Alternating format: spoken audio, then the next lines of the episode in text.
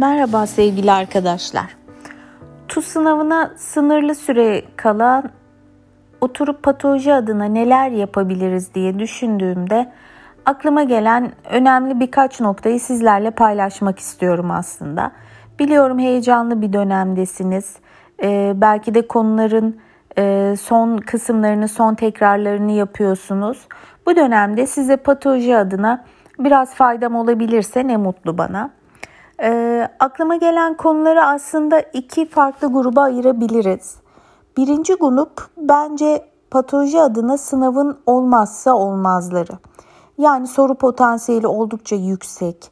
Birçok sınavda soru çıkmış ve önümüzdeki sınavlarda da mutlaka soru çıkacak.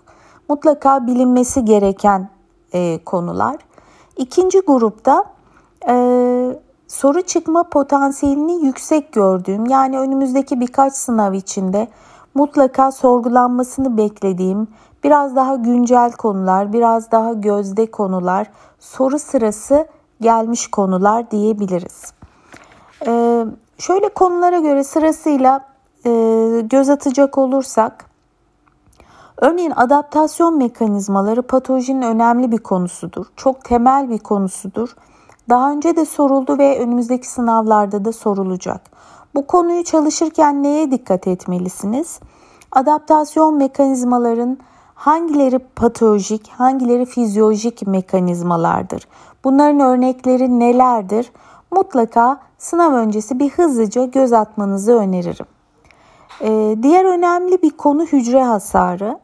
Hücre hasarındaki reversible, irreversible mekanizmalar, Bunların gelişim mekanizmaları, e, buradaki ana patolojik süreç nedir mutlaka bilmeliyiz. E, ölüm tipleri çok önemlidir.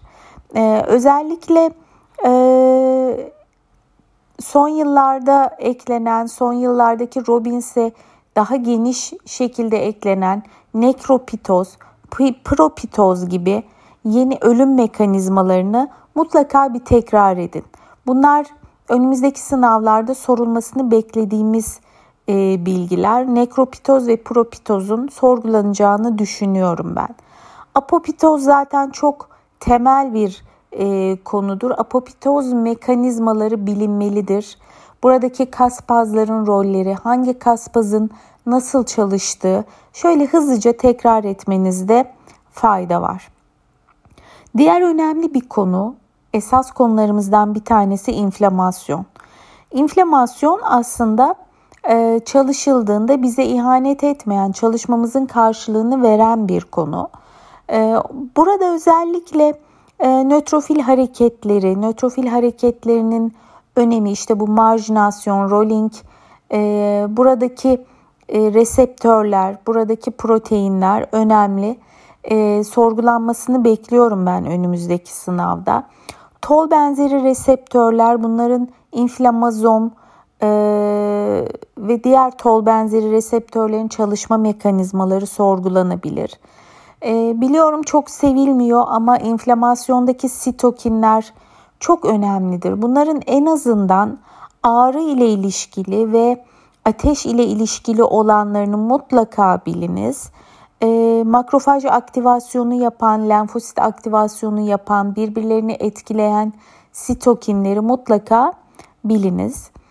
Bir başka önemli konu hipersensivite. Tabii ki hipersensivitede tip 1, 2, 3, 4 hep soruldu ve hep sorulacak arkadaşlar. Bunların mekanizmasını ve örneklerini biliniz. Hangi hastalık, hangi tip e, hipersensivite reaksiyonuyla meydana geliyor? Mutlaka biliniz. Hızlı tekrarınızda buna e, yer veriniz. Otoimmün hastalıklar biliyorsunuz hem dahiliyede sıkça sorulur e, hem patolojide sorulur. Patoloji bunun mekanizmasını sorar size.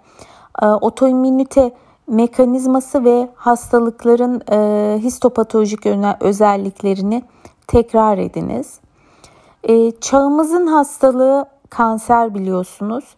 Ee, hem klinikte çok sorulacak size ama ben patolojide de özellikle onkogenezin çok daha sıklıkla sorulmasını bekliyorum. Özellikle bu sınavda e, mikrobiyal onkogenezden soru bekliyorum. E, bundan kastım ne? Epstein-Barr virüsü, HPV gibi virüslerin, e, Helicobacter pylori gibi bir bakterinin kanserdeki rolü, kanserin gelişimindeki rolü oldukça önemli, oldukça konuşuluyor.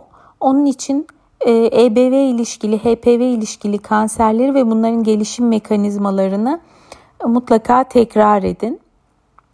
Karsinogenezde e, bilmeniz gereken mekanizmalar var biliyorsunuz. Büyüme faktörleri, büyüme reseptörleri, bunların yolakları özellikle mutlaka RAS gibi, VNT gibi yolaklar sorulacak arkadaşlar.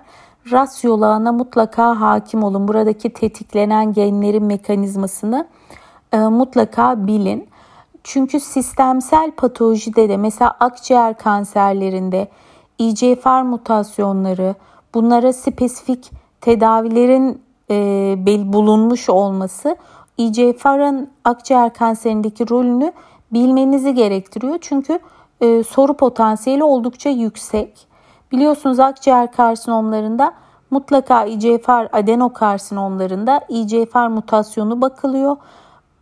Belirlenirse buna spesifik bir tedavi veriliyor veya hastada EGFR mutasyonu yoksa e, ALK ve ROS mutasyonları mutlaka bakılıyor. Bunlara spesifik tedaviler var çünkü. Bu bilgiler sorgulanabilir çünkü çok güncel, çok söz ediliyor hem onkoloji camiasında hem patoloji camiasında. Diğer bir temel konu ve sıkça sıklıkla sorgulanmış, hala sorgulanabilecek bir konu vaskülitlerdir. Vaskülitlerin mutlaka nasıl bir tutulum paterni yaptığını, e, tanısal e, antikorları, antijenleri varsa bunların e, neler olduğunu, hangi boyuttaki damarları tuttuğunu mutlaka e, sınav öncesi tekrarlamanızı öneriyorum. E, romatizmal ateş her zaman sorulabilir.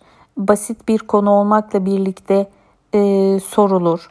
Hematolojiye geldiğinizde anemi sınıflamasını mutlaka bilmelisiniz.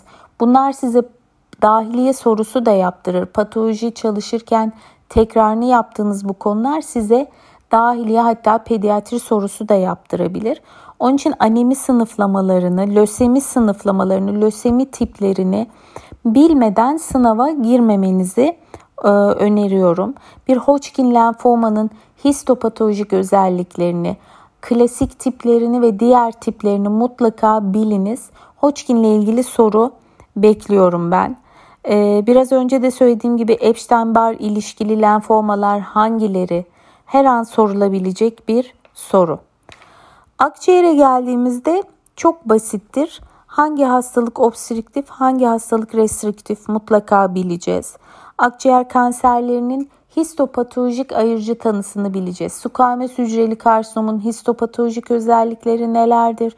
İşte oradaki keratin inceler, inciler, hücreler arası bağlantılar, e, immün özellikleri, P63, P40 pozitifliği, e, aynı şekilde adenokarsinomların, küçük hücreli karsinomun spesifik histopatolojik özellikleri ve immün özelliklerini biliniz. İmmünohistokimya artık sıklıkla soruluyor biliyorsunuz. Bu bütün tümör tipleri için spesifik immünohistokimyasal özellikleri bilmenizde fayda var. Evet, böbrek denince mutlaka glomerulonefritleri bileceğiz. E, tipleri, e, hangi tipin hangi hastalıkla birlikte seyrettiği, hangi komplemanın biriktiği gibi olmazsa olmazlarını mutlaka e, sınav öncesi tekrarlamakta fayda var. Gastrointestinal sistemde çok güncel olduğunu düşündüğüm için önümüzdeki sınavlarda glutenin, gluten enteropatisinin e, sorgulanmasını bekliyorum. Bu hastalığın tipik özellikleri neler? Histopatolojik olarak işte villöz atrofinin varlığı, intraepitelyal lenfositlerin varlığı bunlar patolojik açıdan e, sorgulanabilecek e, konular diye e, düşünüyorum. Ayrıca tabii ki e, daha önce sıkça sorulmuştur, yine sorulacaktır. Kolon polipleri özellikle e, bu poliplerin birlikte oldukları sendromlar, oluşum mekanizmaları potansiyel sorudur arkadaşlar. Bakmadan sınava girmeyin. Ama kolon poliplerine bakarken çok güncel bir kolon polibi tipi serrated polipler e, önümüzdeki sınavda benim beklediğim e, soru gelebilecek bir konu. Serrated polipler çünkü patoloji camiasında da gastroenterolojide de e, güncel bir konu, oldukça konuşulan bir konu. E, inflamatuar bağırsak hastalığı, Crohn, ülseratif kolit e, bizim olmazsa olmazlarımızdır biliyorsunuz. E, bu iki hastalığın tipik özellikleri birbirlerinden farkları klinikte de sorulur, klinik olarak da sorulur, patolojik olarak da çok önemlidir histopatolojik özellikleri.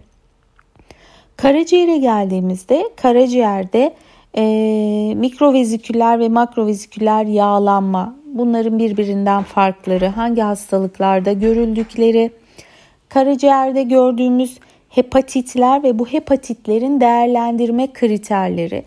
Mesela ben hepatitin e, histopatolojik özellikleriyle ilgili bizim hepatit değerlendirirken baktığımız parametreler ile ilgili soru bekliyorum. Konfleyen nekroz nedir? Ee, küçük litik nekroz nedir?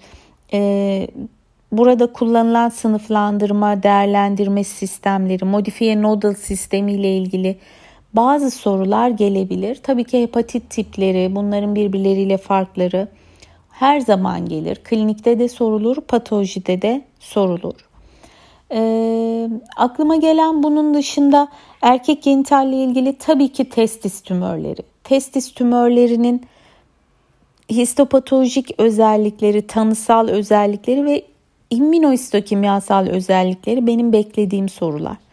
Özellikle teratomla ilgili soru gelebileceğini düşünüyorum. Ee, kadın genitalde olmazsa olmaz over tümörleri, seröz yüzey, seröz epitelyal tümörler, e, bunların e, birbirlerinden farklılıkları, tanısal özellikleri lütfen bakın sınav öncesi. Over tümörlerinin sınıflamasını bilin. Yine güncel bir konu son yıllarda çok konuşuluyor patolojide. Endometriyal tümörlerin e, moleküler gelişim süreci, piten kaybı, piten mekanizması lütfen bir göz atın. Önemlidir. E, son aklıma gelen konulardan bir tanesi meme. Meme karsinomları çünkü biliyorsunuz kadın e, sağlığı ile ilgili çok önemli, çok sık görülen tümör tipleri. Meme karsinomlarında da e, her iki no e, mutasyonları ile ilgili sorgulandı yine sorulacak. Her iki neo mutasyonlarının önemi, bunların hedefe yönelik tedavisi, her iki neo amplikasyonu varlığı e, mutlaka sorulur. Meme karsinomu tipleri, histopatolojik özellikleri sorulur. E, son yıllarda e, tümörlerle ilgili hatta yeri gelmişken söyleyeyim bütün sistemsel tümörlerde lütfen Dünya Sağlık Örgütü sınıflamasına bir göz atın.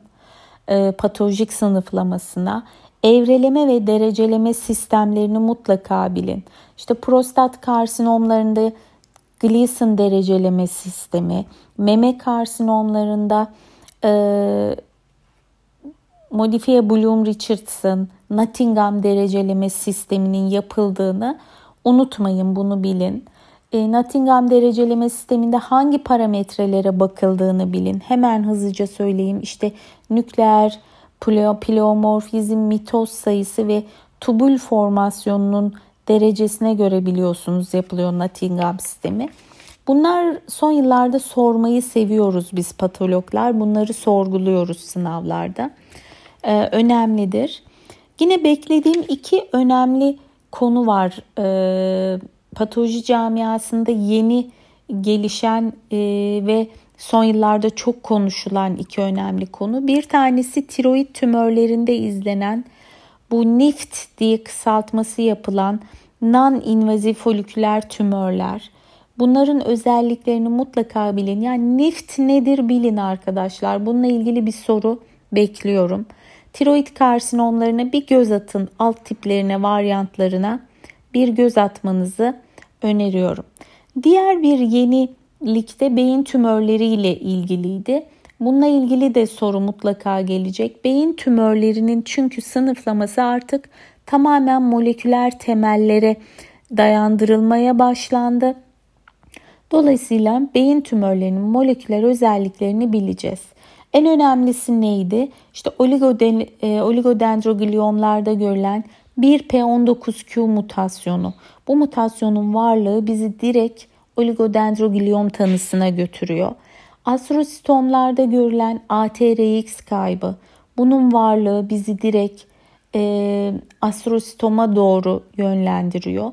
Şöyle kısa tekrarınızda beyin tümörlerinin bu özelliklerine de göz atmanızı mutlaka öneriyorum. Dediğim gibi kanser çağın hastalığı hem klinik hem de patoloji kanser sorularını sormayı seviyor. E, tüm tümörlerin, kanserlerin sınıflamalarına, evreleme ve derecelemelerine mutlaka bakın ve kanserlerin patolojide olmazsa olmaz tanısal, immünohistokimyasal ve moleküler özelliklerini mutlaka tekrarlayın lütfen. Sınava görme, girmeden önce şu 10 dakikada söz ettiğimiz şeylere ben bir gün içinde hızlıca bakabileceğinizi e, biliyorum ve bunu şiddetle size öneriyorum ve herkese başarılar, gönlünce güzel bir sınav diliyorum.